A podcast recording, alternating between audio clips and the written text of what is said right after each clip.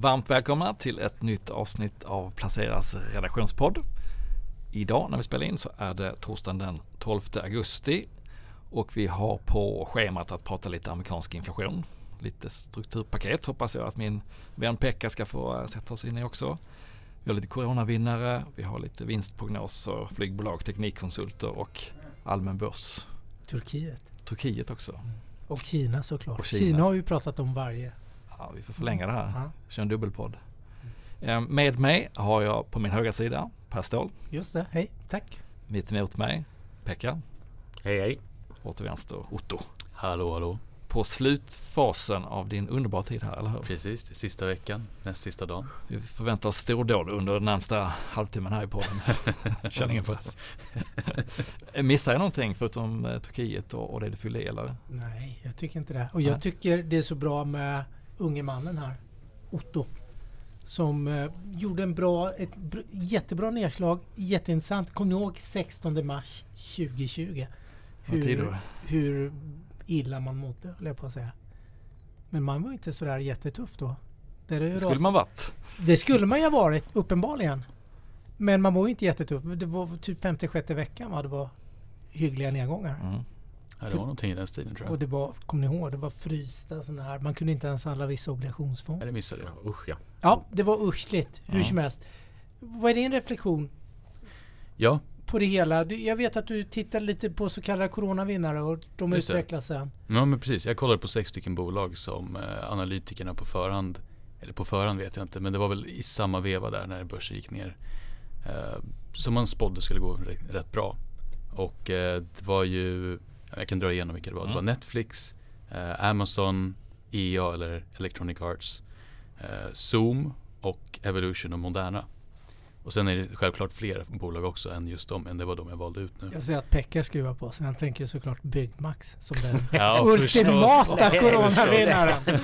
Här måste Vi det kan vara något fel. Vi kan inte nämna Byggmax en gång till för jag har nämnt Byggmax i varenda podd hittills. Du får det låta negativt. Ja, nej, nej, men jag- jag förväntar mig att när jag, när jag går, åker till Byggmax att de plockar fram det fina virket. Ja, förstås.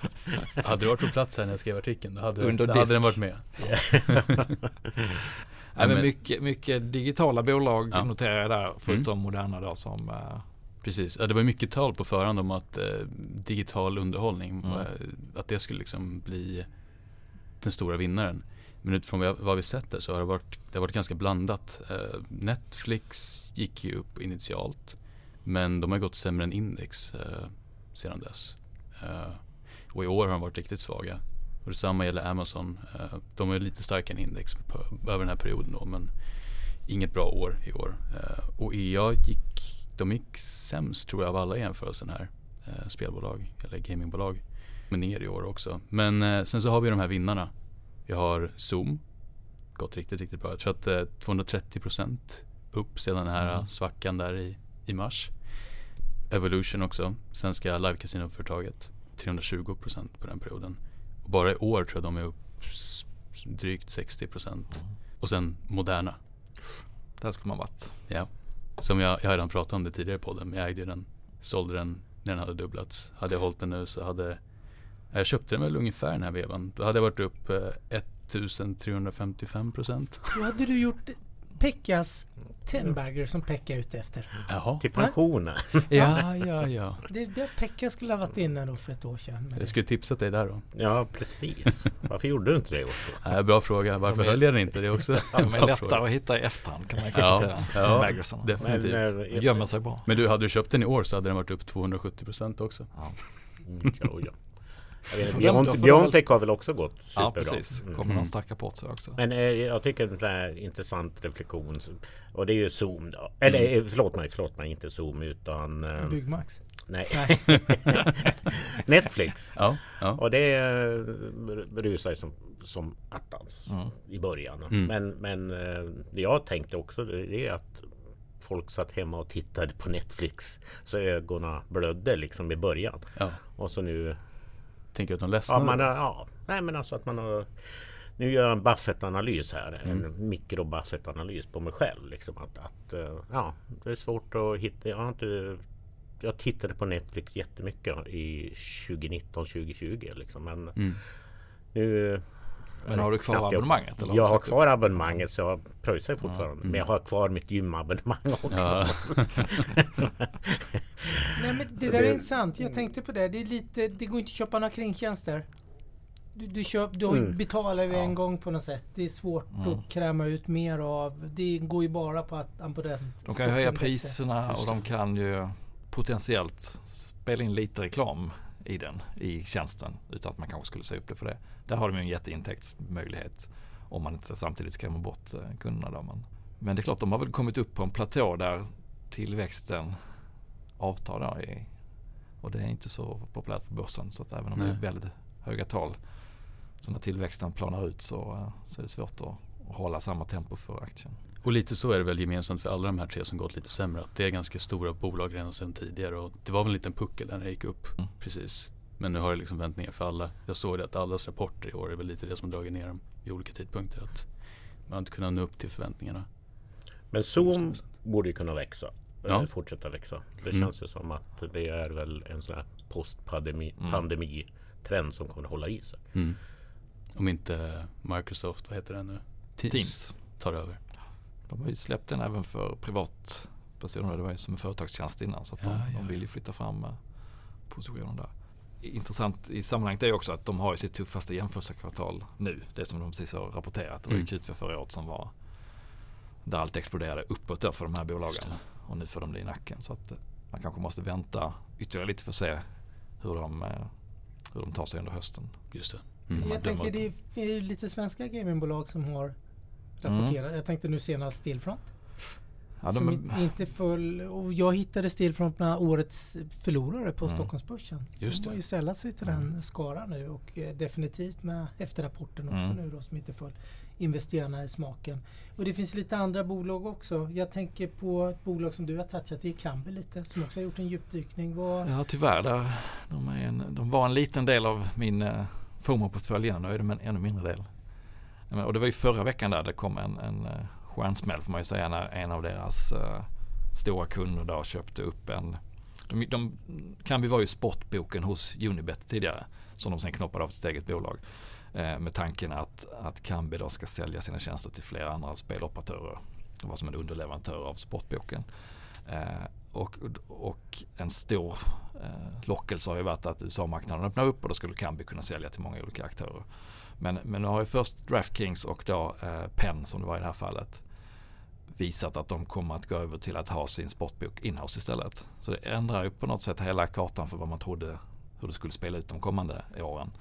Inte minst i USA då. Så att det här sätter ju ganska mycket i svang i, i Kambi-caset. Som ju mycket var att, att USA ska öppna upp och de ska då kunna koppla på fler och fler kunder där. Så att eh, de har ju tappat 40-45% på bara en vecka nu sen de gick ut med det här att Penn kommer kommer köra för egen, egen maskin om några år. Det påverkar inte de nu närmsta åren för de har ett avtal som löper då. Men, men det, ja, om man ska liksom, ta lite bredare lärdomar så är det väl att, att eh, diversifiering är, är bra. När det smäller i ett bolag så är det bra om de inte står för stor del av portföljen. Och bolag som har ganska få kunder och stort beroende av dem. Eh, när någonting negativt händer så får det otroligt stora konsekvenser. Och i det här fallet så var det ett fåtal kunder där som de var så beroende av. Kindred är ju, som då är Unibet, eh, är ju det som är den, den stora kunden kvar. Så det blir väldigt spännande att se vad som blir nästa fas här. Om Kambi blir uppköpta och då återigen blir ett inhouse sportbok hos någon, Kindred till exempel. Eller om de kan, eh, kan liksom positionera sig bland de mindre speloperatörerna som deras val av underleverantör. vad gör du i portföljen nu tänker du? Ja, jag har inte gjort något än men det, de, de finns ju på, eh, på den riktigt mörka listan. Om man, som den portföljen som jag kallar FOMO-portfölj, bolag där jag var rädd för att missa en, en fantastisk uppgång. Det var det rädslan eller oron för att missa hela det här USA-spåret med, med spel, eh, spelet som öppnade upp där. Och den faktorn är ju lite borta nu så att eh, jag ska grunna på saken men det, det kan ju vara så att de inte finns kvar så länge till i den portföljen. Nej, det ändrar ju förutsättningarna lite för affärsmodellen och där man har sett tillväxten. Och, det gör ju det. Och det, och det får ju rätt många ägare att, att eh, sticka också eftersom det var liksom det stora caset. eh. Sen kanske de kan reda upp det med andra kunder eller, eh, eller bli uppköpta, vem vet. Men mm. Ja, det där är spänning att höra hur du, hur du tänker och vad, vad det kommer för mer information. Men en annan information som kom igår tror jag det var. Kan ha varit det. Det var inflationssiffrorna. Mm. För juli.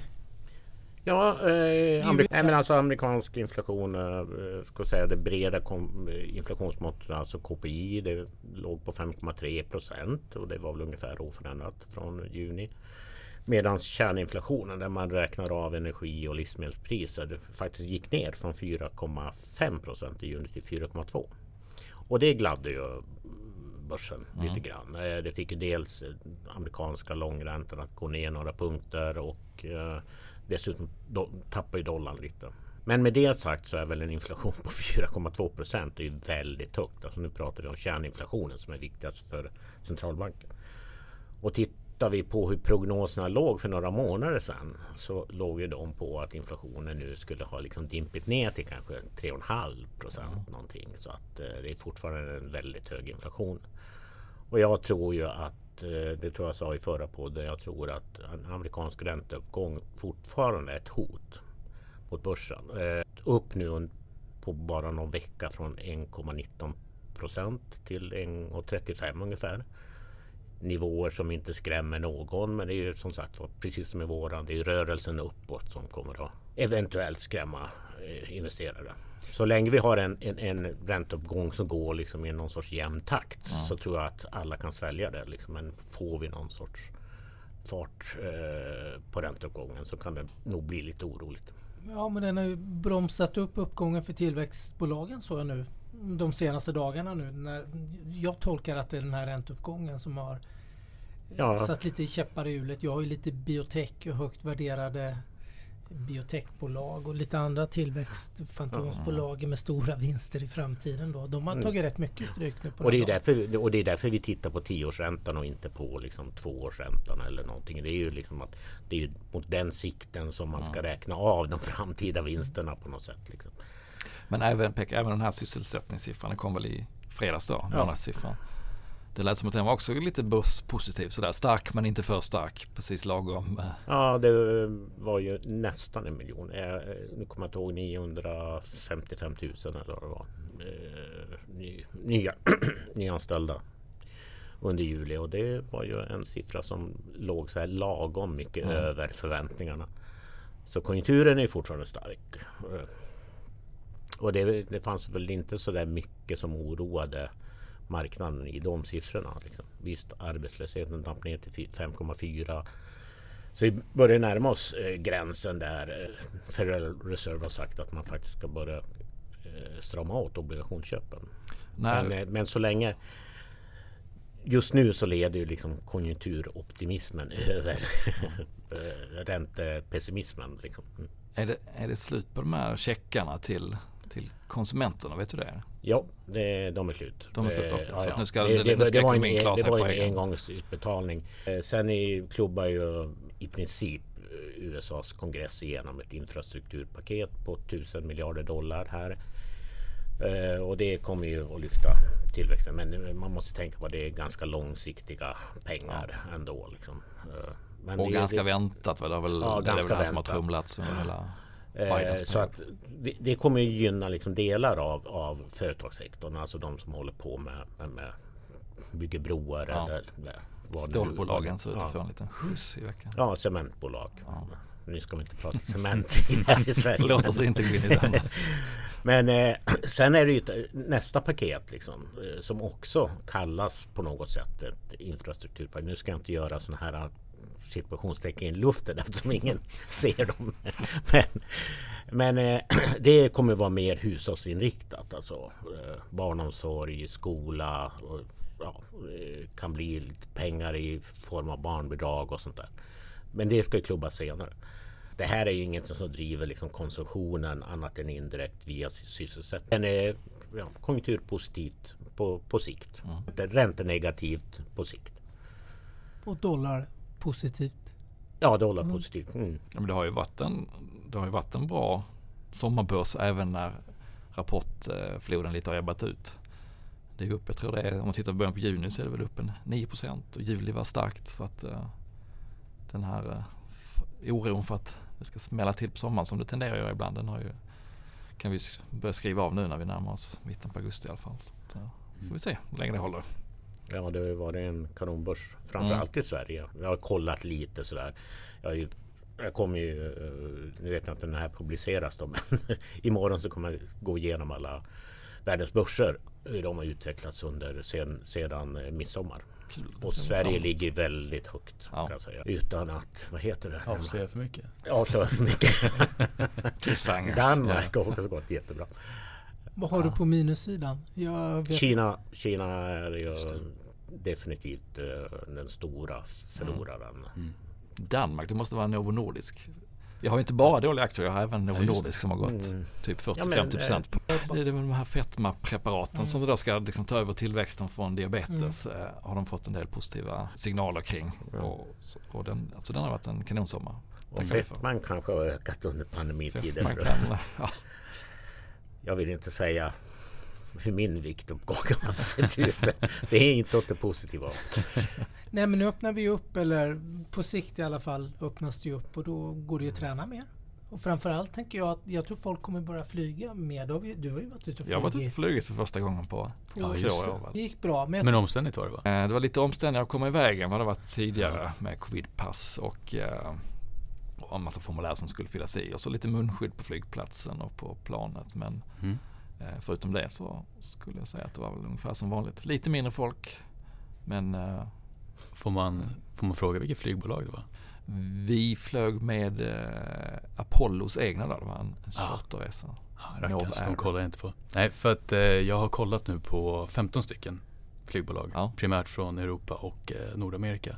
Sen två kinesiska och ett från Brasilien också. Men eh, det, det jag kommit fram till då är ju att de eh, europeiska bolagen har haft det väldigt tufft nu under pandemin. All, all, alla flygbolag har haft det väldigt Mm. tufft men primärt i USA, eh, alltså USA USA och, eh, eller Nordamerika ska jag säga, och eh, Kina har klarat sig lite bättre ändå. Men här i Europa så, analysen jag har gjort av det är ju att när man har stora inhemska marknader som kan driva det så, så har man klarat sig bättre.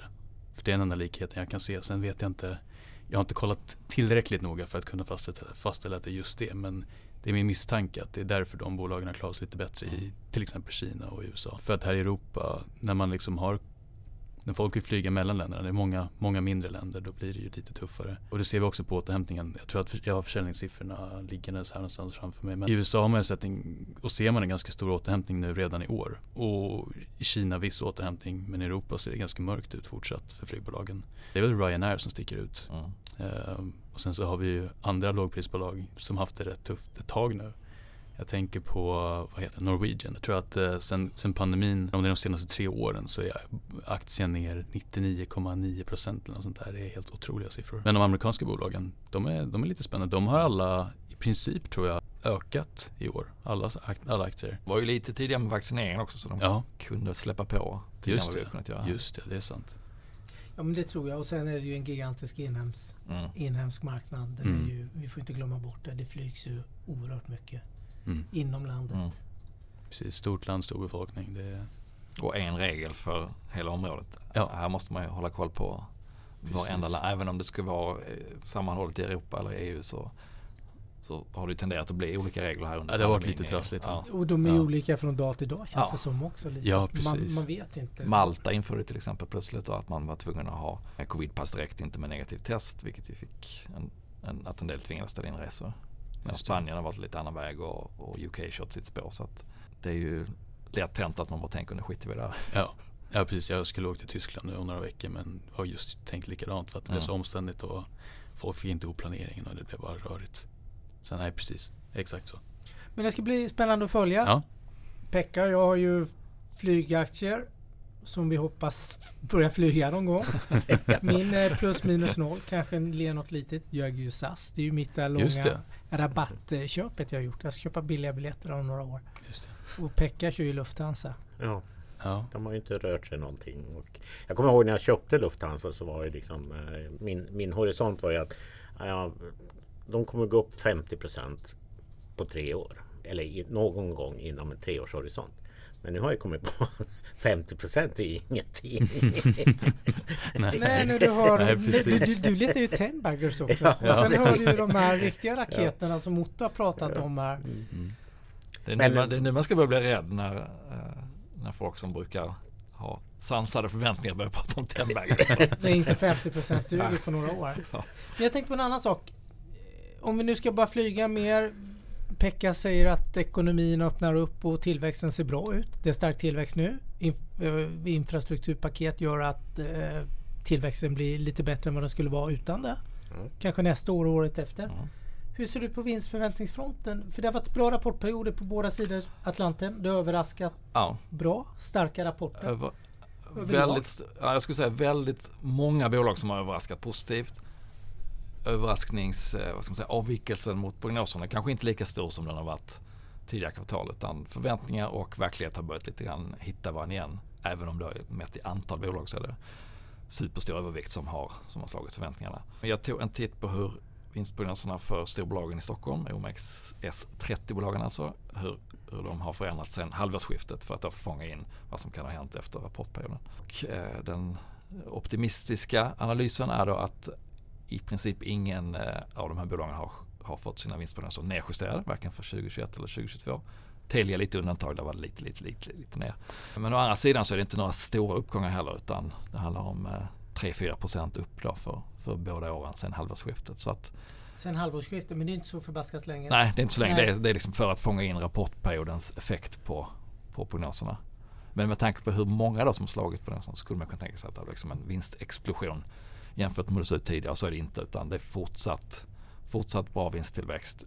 Man har höjt det lite grann och inte minst bankerna som hade alla fyra slog prognoserna.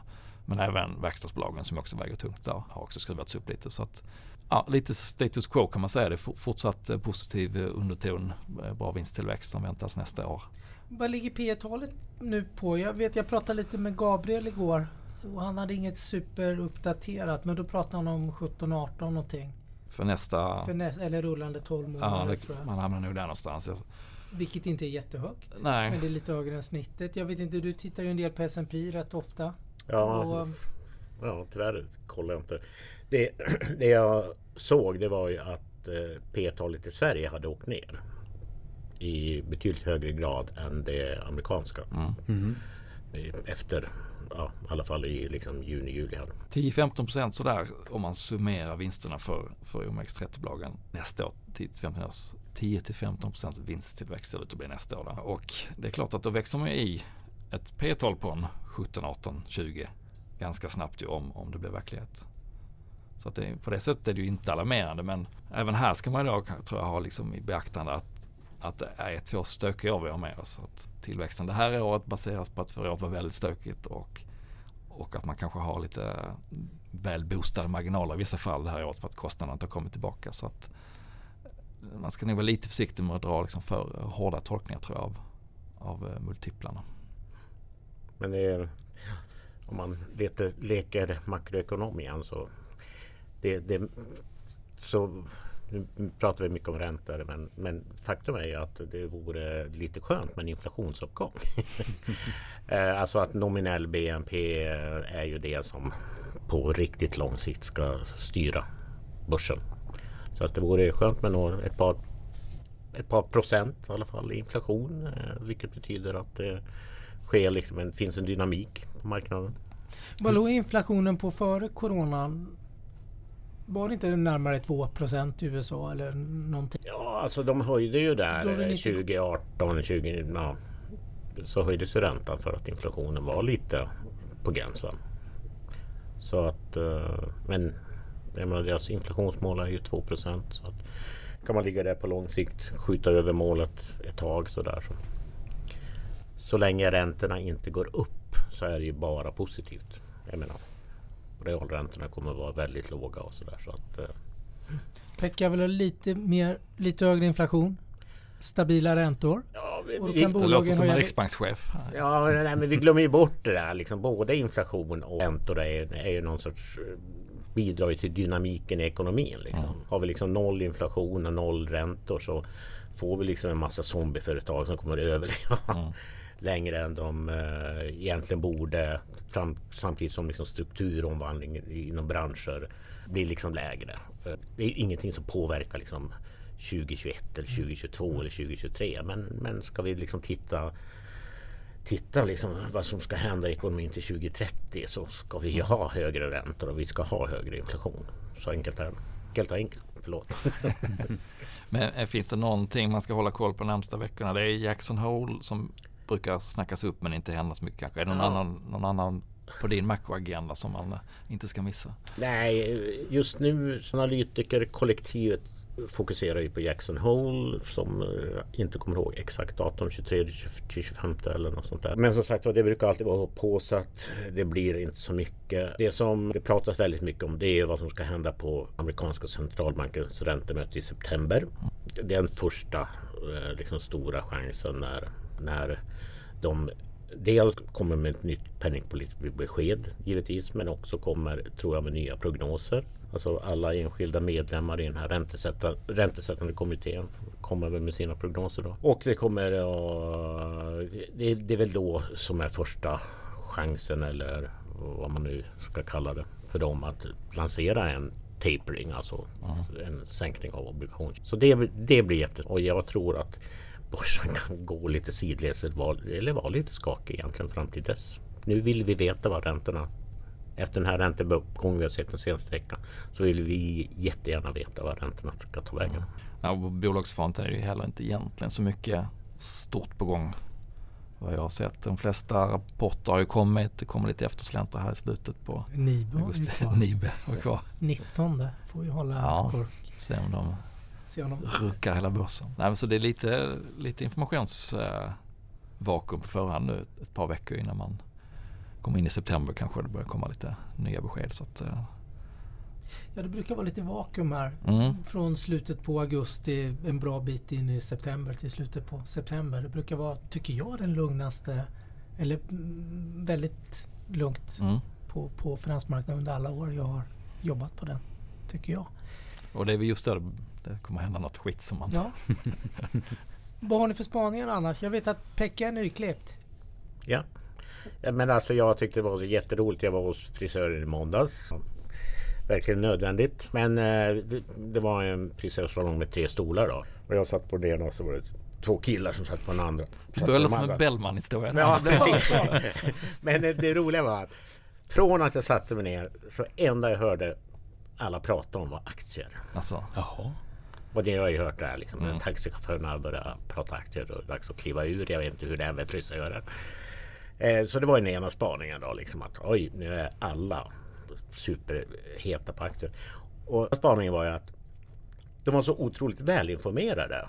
De pratade inte liksom H&M eller AstraZeneca eller något, utan det var liksom kinesiska techbolag och amerikanska räntor och vad det betydde. Liksom. Så att om man jämför millennieskiftet när det var samma liksom, diskussion kring, kring aktier, i alla fall som jag, så har ju de som håller på med aktier har ju så otroligt mycket mer information idag. Liksom. Och man söker sig till liksom helt andra ja, man tittar globalt, man kan läsa in sig på liksom ämnen. Sen gäller det att kanske inte läsa allt för mycket men, men jag, jag tyckte det var jätteintressant. Jag var den enda som inte pratade aktier på hela frisörsalongen. Men det där är jätteintressant. För ska vi backa, då var ju internet i sin linda lite ändå. Den började komma igång där 94, 95, 96 liksom. Och eh, millennieskift på något sätt. Det är så mycket mer information. Jag känner också det här. Man är så mycket mer informerad idag än vad man var, tycker jag, om vi backar 20 år i tiden. Jag undrar, eh, vi är lite mer upplysta idag. Eh, kan det vara så att det håller emot en börs att det blir någon börskrasch, tänker jag. För att det finns mer... Det, det kommer ju en börskrasch när informationen uppenbarligen är fel och det är massor med information man inte kände till. De ändrar prissättningen. Det blir bubblor. Jag vet inte. Det, det är bara en filosofisk tanke jag har. Ja, ja. Jag känner också att det är så men alltså jag, jag, jag tycker man, man får skilja på börsnedgångar och börskrascher. Liksom. En börskrasch det, det är när alla måste sälja. Och en börsnedgång det är när det saknas köpare. Och det är väl liksom den senare. Att det liksom kanske börjar saknas köpare som jag tror är det som kanske kommer att påverka börsklimatet i höst och sånt där. Att, Okej, värderingarna är höga, företagen måste leverera. Men det är ingen som vill eller kan egentligen kliva ur börsen om man vill ha avkastning. Så det är bara sådana här chocker liksom, Mm. som, som liksom tvingar säljare. Liksom. Det är då vi får de stora nedgångarna. Jag menar att det, det ska ju komma någon korrektion någon gång per år som inte behöver vara så stor men en 5-10 procent för att det finns något man oroar sig för och att man behöver ta hem lite, ta hem lite vinst eller backa tillbaka och se hur, hur landet ligger och det har vi egentligen inte haft nästan alls. Det var ju i hösten, i höst, förra hösten och sen så kom vaccinet och sen så har det egentligen bara varit månad för månad rakt upp och det är så vitt jag vet ingen månad i år som har varit negativ och det är otroligt ovanligt att ett helt år går utan en kalendermånad som är negativ. Man ska inte bli för rädd heller om det kommer liksom en korrektion för det tillhör, eh, kan man inte hantera det så ska man kanske inte vara på börsen. Ja, men det är ju, och det är ju därför jag säger att, att det stora hotet som jag ser det är ju den amerikanska ränteuppgången. Liksom. När man kanske behöver liksom omvärdera sina innehav och se över sina portföljer. Men jag ser ingen stor säljvåg utan att det kommer någon, någon överraskande liksom chock. Och det är några andra spaningar känner ni har gjort sista, sista veckan eller någonting? Har ni varit hos frisören? Ni Precis, vi har inte spanat frisyrer på ett tag. Jag klipper mig ju liksom i min ensamhet så att, eh, där, och då bru- brukar jag inte prata aktier med mig själv. Nej. Nej, ingen sån där vass eh, spaning som den där. Jag har en liten Kina-spaning dock. Det har jag ju alltid. Det höll jag på att säga. Men du sa ju att de pratade i kinesisk tech och dylikt. Jag har två Kina-spaningar. Det ena är att små kinesiska tech och internetbolag. Jag så fick en graf från Goldman Sachs hade sammanställt att de fortsätter upp medan de stora stora gigantiska kinesiska teknik och internetbolagen de har inte kollapsat riktigt. Men de har ju gått riktigt dåligt och Tencent har ju till en av de sämsta aktierna i år tror jag. Även på global basis. Alibaba har inte gått bra.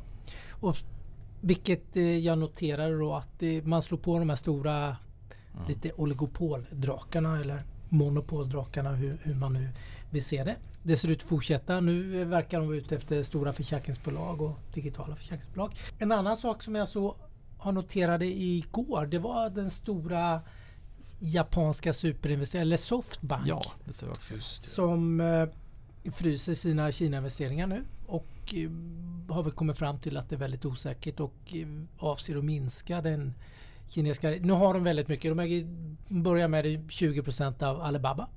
Äger de fortfarande.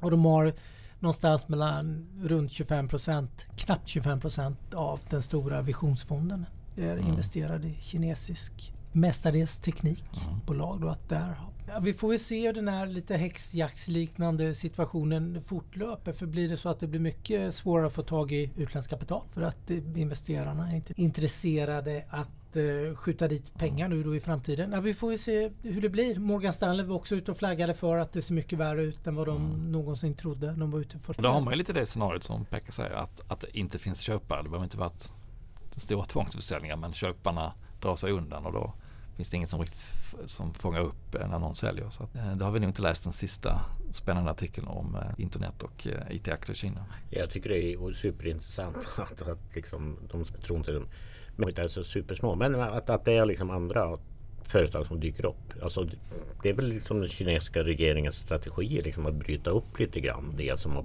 blivit oligopol. Så att eh, man kanske ska kasta sig in i någon kinesisk Du skulle, småbolag. du skulle ha lyssnat på de här herrarna bredvid dig. De kanske pratade lite mer midcap tech i Kina. Vad Du vet får jag? lägga in en bugg på den här eh, frisörsalongen så vi kan spela in nästa podd där.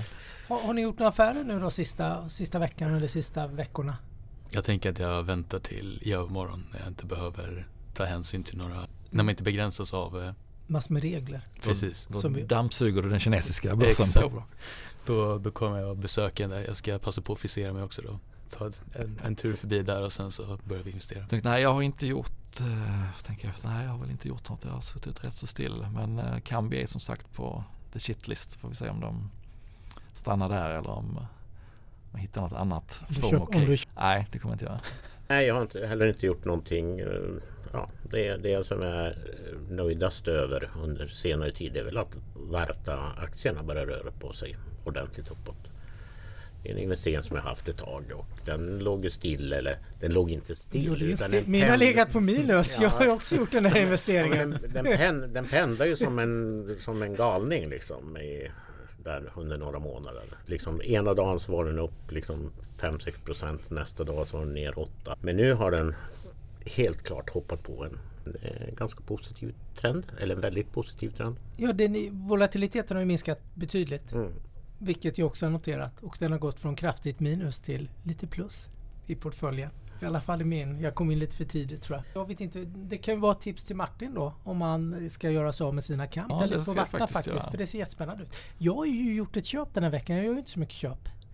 Jag skrev om eh, Turkiets Amazon, Cyberada. De Mm. noterades här i början på juli på Nasdaq-börsen. Ser otroligt eh, spännande Turkiet är ju liksom den... Ja, jag får lite olika uppgifter. Någonstans mellan den 13 och eh, nummer 15 då som världens största ekonomi i världen. Vilket var lite överraskande stort för mig då. Jag förstod inte att det var så stort. Men väldigt ung befolkning. Många håller på att digitalisera sig och handla mer digitalt.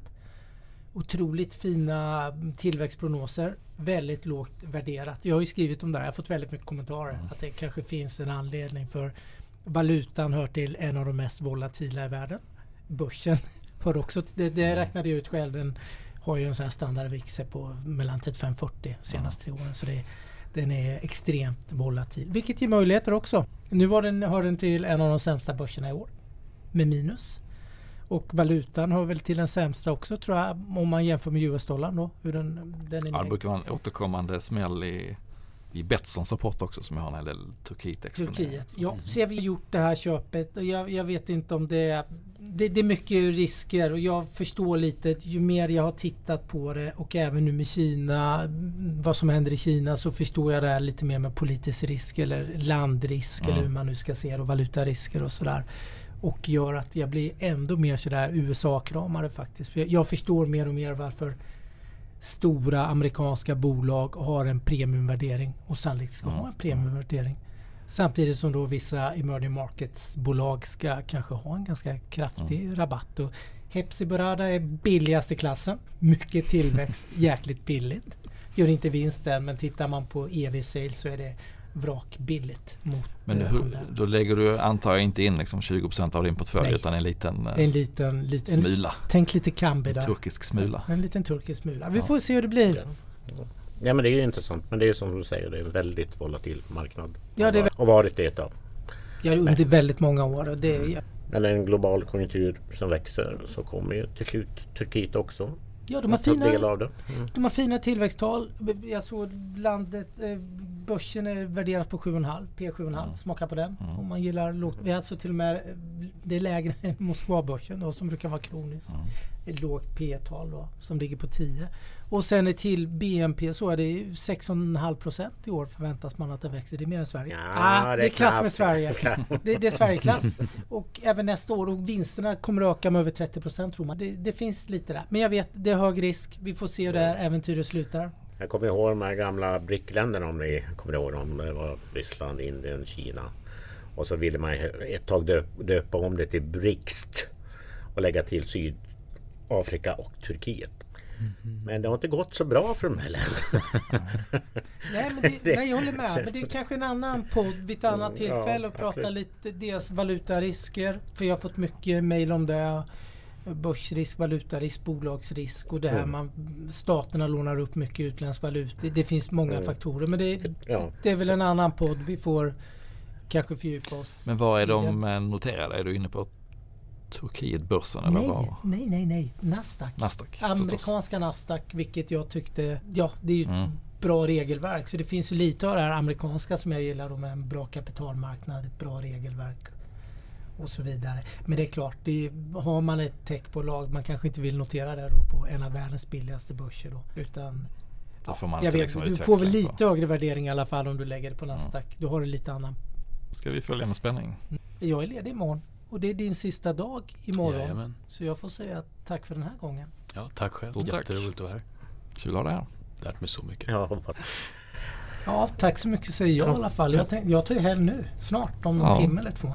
Vi knegar på. Ja, nej, det är, jag jobbar imorgon. Kommer med min sommarbörsanalys. Och sen kräftskiva på lördag. Så det har jag att se fram emot. Den vill vi höra mer om nästa gång. Om det pratades aktier där, då ska du, då ska du få i läxa då och lyssna. Smyglyssna på eh, Och lyssna om det är mid cap, small cap, China Tech. Det vill vi ju ha lite Ja. köptips på uppenbarligen. Vi vill ha en matris, ett Excel-ark på allt det pratades om. Gott, det ser vi fram emot. Mm. Då tackar vi för den här gången. Tack för att ni lyssnade. Tack. Tackar så mycket. Tack så mycket.